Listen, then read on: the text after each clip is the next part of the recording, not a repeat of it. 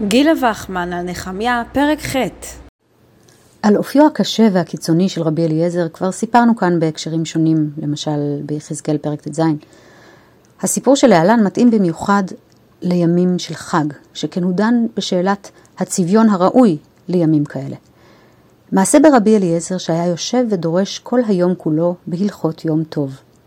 יצתה כת ראשונה, אמר, הללו בעלי פיתסין, כלומר, קדים גדולים. כת שנייה אמר, הללו בעלי חביות.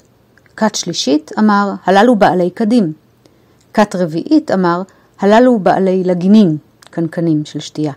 כת חמישית אמר, הללו בעלי כוסות. התחילו כת שישית לצאת, אמר, הללו בעלי מארה. נתן עיניו בתלמידים, התחילו פניהם משתנים. אמר להם, בניי, לא לכם אני אומר, אלא להללו שיצאו, שמניחים חיי עולם ועוסקים בחיי שעה. בשעת פטירתן, כלומר פרידתם, אמר להם, לכו אכלו מש, מש, משמנים ושתו ממתקים ושילחו מנות לאין נכון לו. פסוק י'. הסיפור מופיע במסכת ביצה, דף ט"ו עמוד ב' בתלמוד הבבלי. רבי אליעזר נושא דרשה בחג, בבית הכנסת או בבית המדרש, וככל שהיא מתארכת, הולך ומצטמצם מספר המאזינים. הדרשן, רבי אליעזר, אינו מתעלם מן המתרחש, ואחרי כל קבוצת אנשים שיוצאת הוא מציין בארסיות מה, בארסיות מה גודל הסעודה שכנראה ממתינה להם בבית. לתלמידים המסורים שנותרו עד סוף השיעור, הוא מסביר כי סדרי העדיפויות של היוצאים לקויים, הם מניחים חיי עולם, כלומר לימוד התורה, ועוסקים בחיי שעה, כלומר בסעודת החג. על כך תמה התלמוד, מדוע התרעם רבי אליעזר, והרי שמחת יום טוב מצווה היא?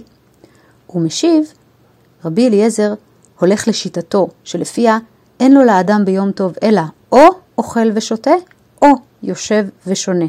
וזאת בניגוד לחברו רבי יהושע, האומר, חלקהו, חציו להשם וחציו לכם.